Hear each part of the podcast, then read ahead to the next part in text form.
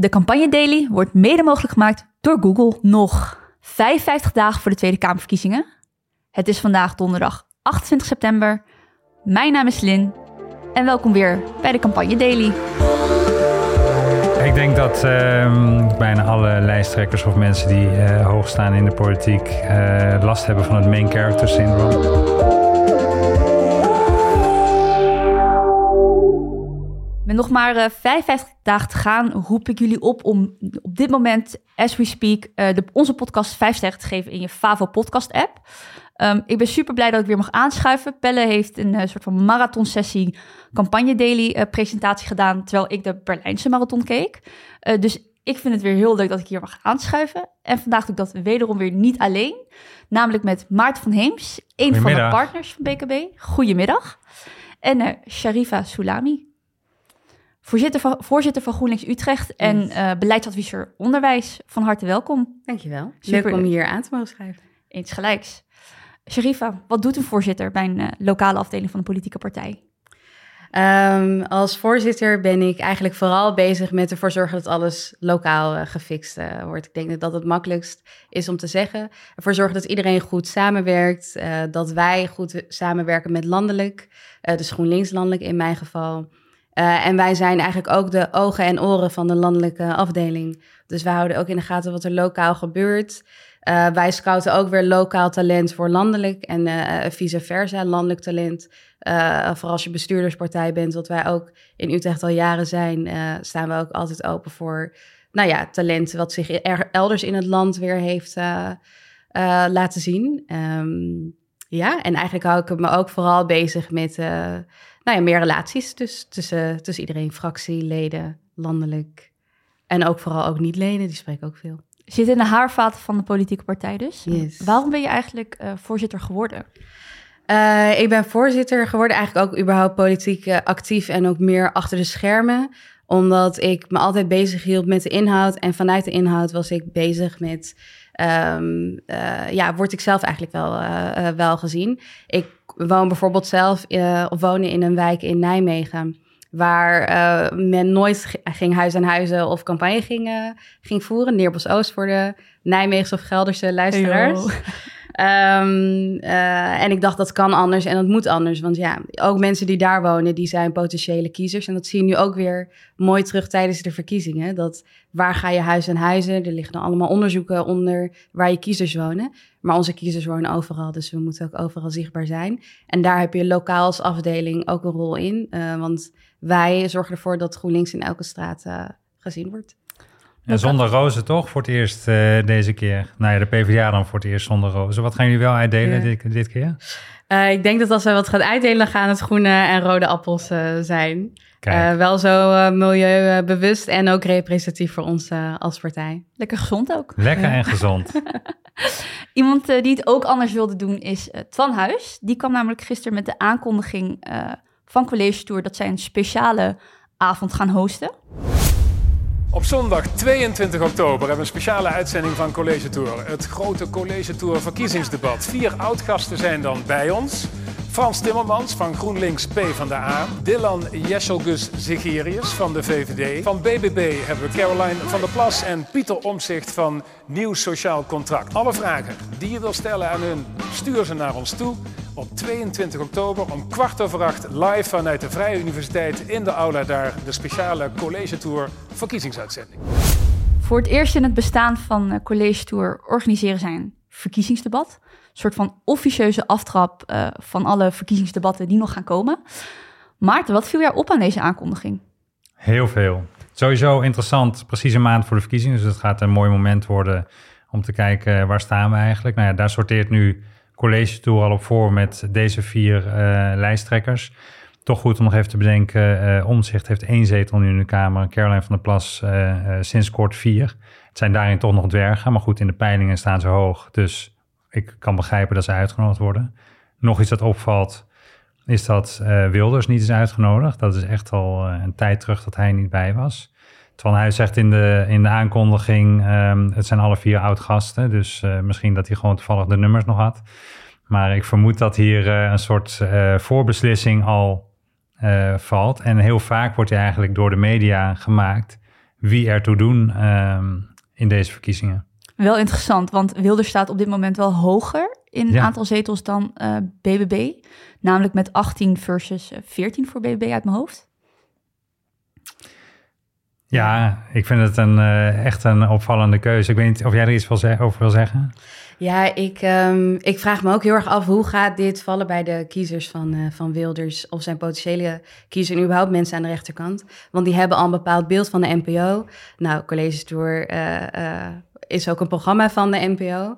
Dus dat kan ook weer heel erg backfiren. En dus gebruikt worden door Wilders in de campagne. Dus hoeveel gaat hij er last van hebben dat hij niet aan tafel zit? Misschien gaat hij het ook gewoon goed voor eigen win kunnen gebruiken. Nou, ik vind het wel interessant, want normaal is hij best wel gelijk vocaal als hij ergens niet wordt, wordt uitgenodigd. Of in 2017 heeft hij bijvoorbeeld eh, aangegeven dat hij niet meer wilde deelnemen aan het debat van RTL Nieuws, omdat zij zijn broer hadden geïnterviewd.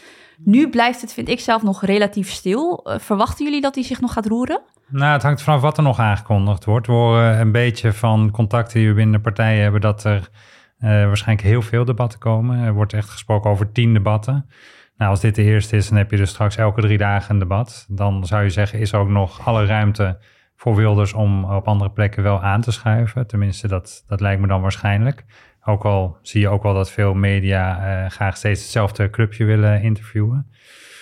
En ehm, ja, ik denk dat eh, misschien Wilders eh, wel eh, bezwaren heeft ook tegen eh, het format van de College Tour. Want eh, als we even op de keper beschouwen, eh, het is niet Nieuwsuur of NOS. Het is geen, eigenlijk geen- de facto geen actualiteitenprogramma. het is meer een soort personality programma. En ehm, nou zullen ze ongetwijfeld dan tijdens die uitzending wel ingaan op de politieke verschillen. Maar ja, het is toch meer een soort programma waar je de persoon achter de politicus neerzet. Ja, ik weet niet of, of Wilders daar zo op zit te wachten.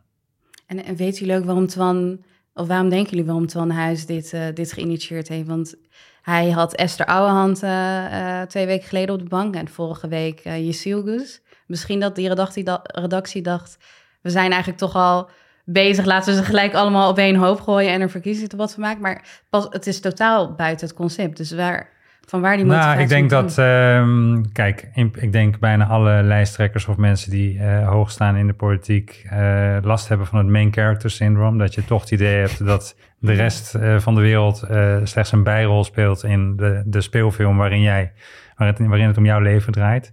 En ik denk dat dat ook zeker geldt voor Twan Huis.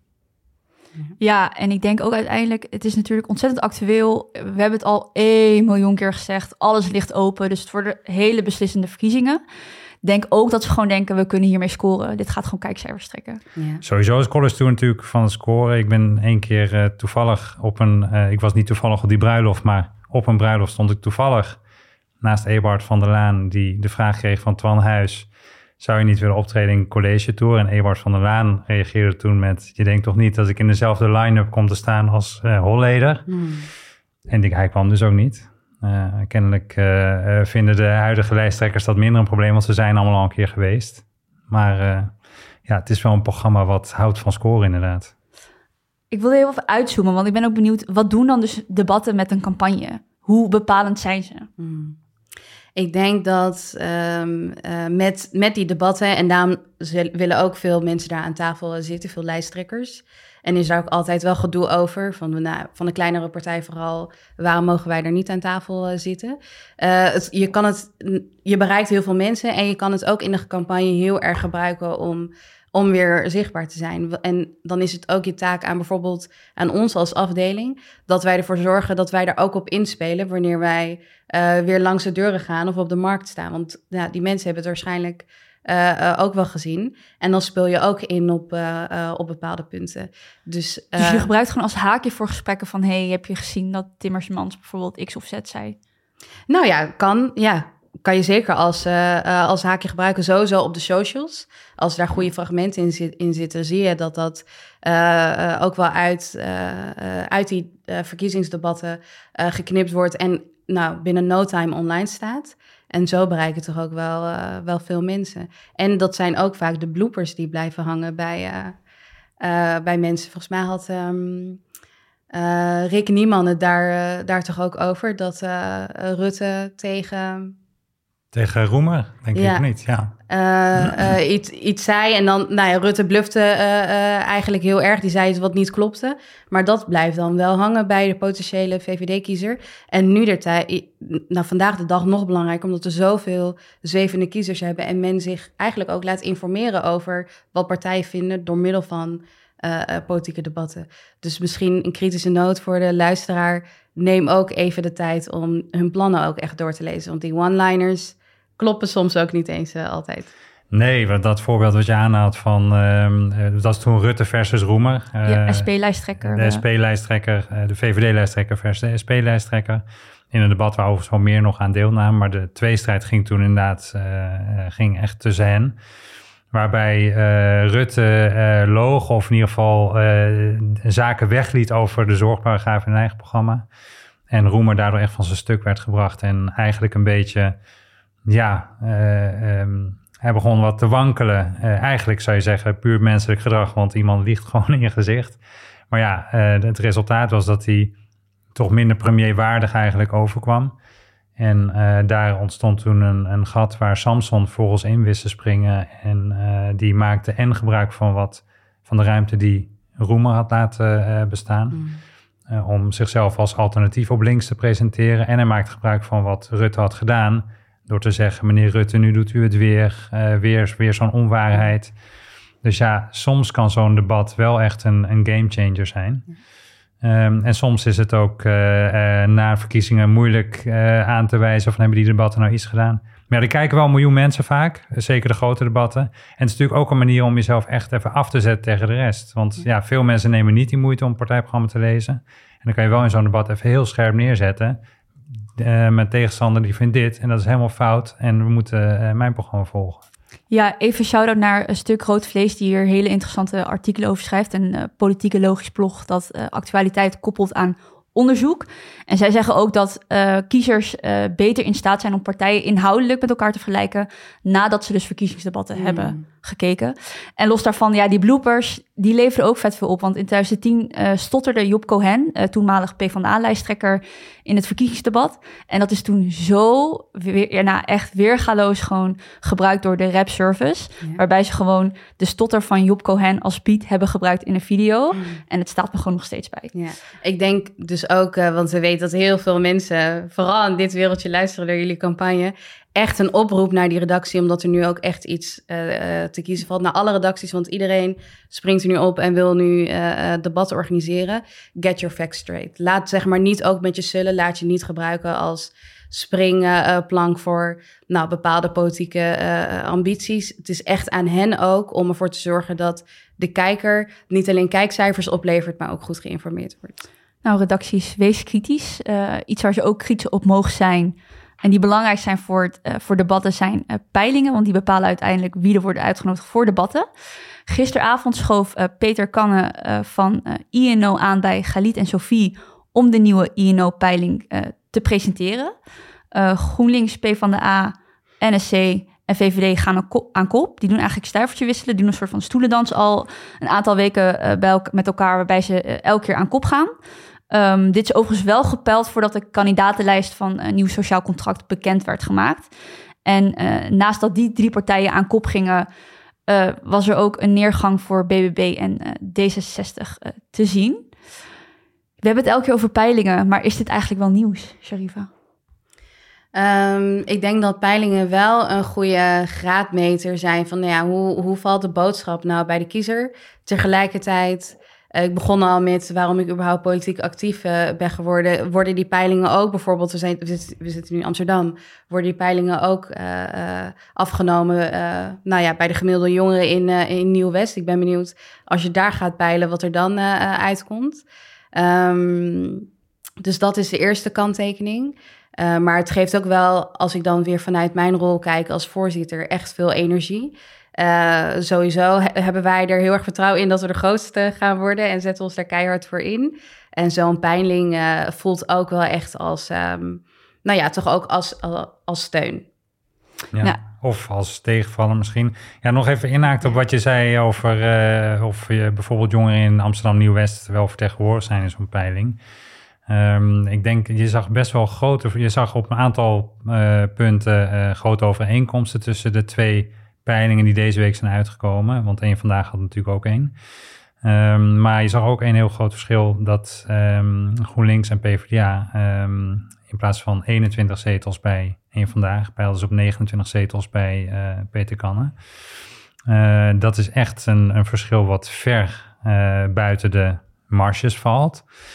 En dan is het dus wel eh, interessant om meer te weten te komen over uh, waar dat verschil in kan zitten. Dat, dat zou ongetwijfeld dus ook te maken hebben met hoe is je panel samengesteld. Mm. In, ho in hoeverre zijn al dit soort groepen erin vertegenwoordigd. En er is natuurlijk zoiets als de gouden standaard. Dus je weet wat de um, samenstelling van de Nederlandse bevolking is. En daar toets je eigenlijk je eigen um, panelleden aan. En in, de, in, zeg maar in en in de samenstelling van het panel, maar ook in die toets aan de gouden standaard. Daar uh, is dus wel een verschil van pak een beetje acht zetels uh, uit naar voren gekomen tussen die twee grote peilingen. En dan kan je zeggen, ja, peilingen maakt uit twee maanden voor de verkiezingen. Het is sowieso maar een inschatting. Maar ja, het is wel precies op dit soort peilingen dat redacties besluiten wie mogen er straks de premiersdebatten doen en uh, aanschuiven in de talkshows. Wel interessant dat je dit zegt, want Peter Kanne gaat er soort van wel of niet op in bij Galit en Sophie. Dat wijkt iets af van de peilingen die we ervoor gezien hebben. Hoe, hoe verklaar je dat? Nou, dat, dat kan ik niet verklaren. Je moet vooral kijken naar de grote lijnen. De grote lijnen zijn heel erg hetzelfde. de trends zijn hetzelfde. de grootste partijen zijn hetzelfde. Um, en uh, ja, kijk, als je, als je, je, moet eigenlijk naar die peilingen niet kijken met een vergrootglas. Je moet een beetje door je oogharen kijken. Dan, dan, dan, dan heb je er wat aan. Ik uh, denk dat hij, uh, um, nou, hij geeft dus niet echt antwoord hè, op de vraag van waar komt het verschil vandaan. Ik denk wel dat hij gelijk heeft met uh, je moet door je oogharen naar kijken. Zeker ook zover nog voor de verkiezingen. Eén ding wat me ook wel opvalt, ook als ik door mijn oogharen kijk, is um, dat in deze laatste peiling is het nog vijf zetels voor D66, zeg ik dat goed? Ja. Um, nou, dat is echt heel weinig ten opzichte van de 24 die ze nu in de Kamer hebben. En dan verbaast het me wel heel erg dat het nieuws van D66 deze week uit Brussel komt, waar ze dus al bezig zijn met de lijsttrekkersverkiezingen. Uh, ik zal de luisteraar verklappen en er geen vraag van maken. De verkiezingen voor het Europese uh, parlement die vinden plaats in juni 2024. Als we XR mogen geloven, dan zijn we er dan misschien niet eens meer. En dat is dan waar D66 zich nu mee bezighoudt. Ik zou zeggen, jongens, uh, eventjes focus op 22 november en kijken of je die peilingen nog wat omhoog krijgt. Ja, ik denk ook dat die Hunger Games die zij gevoerd hebben in de Tweede Kamer, in, nou ja, zelfs in Brussel, uh, volgens mij waren ze daar nog wat heftig, dat dat echt niet helpt uh, in de peilingen. Want uh, gaat het eigenlijk nog over Rob Jetten? Nou, iets waar ik wel uh, mijn vergrootgas op wil leggen en niet uh, door de uh, grote haren heen wil kijken, is het feit dat jij voorzitter bent bij een lokale afdeling en dat het nu campagnetijd is. Mm. En ik ben heel erg benieuwd, wat doet een lokale afdeling tijdens campagnetijd? Wat is jullie rol? Ja, als bestuur zijn we eindverantwoordelijk. Um, wij uh, moeten er eigenlijk voor zorgen dat die campagne hier goed, goed uitgevoerd wordt. En daarbij hebben wij, um, nou ja, eigenlijk al best wel lange tijd überhaupt voorgesorteerd op verschillende scenario's van niet samenwerken met de PvdA tot heel intens samenwerken met de PvdA. Nou, de leden hebben ons eind juli ook de opdracht gegeven, of medio juli, de opdracht gegeven om een gezamenlijke lijst samen te vormen met PvdA GroenLinks. Dus toen was het aan ons om ervoor te zorgen dat er een team kwam. Dus dat uh, is gebeurd. Is ook echt een heel goed en tof team geworden. Met, nou, we hebben campagneleiders, we hebben wijkcoördinatoren, we hebben digitale media managers, we hebben belteams. en ook een, belangrijk, ja, een, van de belangrijkste voor de campagne, zowel online als offline, zoals je hoort. En offline gaan we elke zaterdag, de hele dag en elke zondagmiddag zijn we te zien in, in Utrecht. Dus um, als je wil dat we ook langs jouw deur komen en je woont in Utrecht, stuur dan een bericht. Ja, maar het moet wel gewoon gebeuren. Lever je adres in mensen. Ja. ja. Is er dan op 22 november ook nog een soort, uh, wordt er nog een soort klassement opgemaakt van welke lokale afdeling heeft, uh, heeft deze verkiezing echt gewonnen voor binnen de partij, zeg maar? Nou ja, je- tuurlijk zie je wel eh, waar percentueel de hoogste eh, stemmen zijn. Is dat dan eh, omdat Utrechters gewoon heel goed weten wat er met Utrecht moet, of, of, of wat er met Nederland moet gebeuren? Of komt dat door onze campagne? Wij denken eigenlijk ook wel het tweede. Ehm, het is gewoon heel belangrijk dat je mensen spreekt, vooral nu er zoveel zwevende kiezers zijn, oprecht om hen te informeren. En het belangrijkste is, dat is ook je verantwoordelijkheid als politieke partij, zorg ervoor dat mensen gaan stemmen, ongeacht of ze op jou stemmen of niet. Democratie is eh, denk ik het belangrijkste. Get out the vote, dat is volgens mij een hele mooie Yes. manier om deze podcast te eindigen. Eh, we krijgen vaak de kritiek dat het altijd over vorm gaat. Maar gelukkig heeft eh, Sharifa nog wel iets inhoudelijks dat ze wil meegeven aan onze luisteraars. Ja, eh, ik heb zelf ook de academie bij jullie gedaan. En wat ik me heel erg kon eh, herinneren is dat we vanuit de BKB-academie ook altijd keken naar andere toffe voorbeelden. En ik zag toevallig op de socials de campagne Luister eens voorbij komen. Volgens mij in samenwerking met Diversion, Open Up, Mind en het ministerie van Volksgezondheid. Een hele toffe video, check it out. Volgens mij kan jij het in de Show notes, zeker. show notes zetten. En wat eh, gaaf was aan die video, eh, is dat het sowieso een hele goede eh, video was met hele goede acteurs. En achteraf kwam ik erachter, doordat ik toevallig de comments las, dat het niet acteurs zijn, maar het zijn de ervaringsdeskundigen. En die hebben ze ook in de video gebruikt. Dus ook shout-out naar hen, heel knap gedaan. Ik ken ze verder niet, maar het heeft volgens mij echt goed bereik. En ja, check it out als je het nog niet gezien hebt. Hele mooie uitsmijter voor deze podcast. Dankjewel. Ja, heel erg bedankt. Dank dat ik hier mocht zijn. Maarten en Sharifa, heel erg bedankt dat jullie aanwezig wilden zijn en eh, aan wilden schuiven voor vandaag. Eh, morgen zit ik hier weer met Justin Korneef, een van de partners van BKB, eh, en Itai Garmi, raadslid in Amsterdam voor Volt. Eh, vergeet uiteraard, ik kan er niet over ophouden, niet te eh, ons te liken en te volgen. Eh, dank jullie wel weer voor het luisteren en tot morgen. Tot morgen. Tot morgen.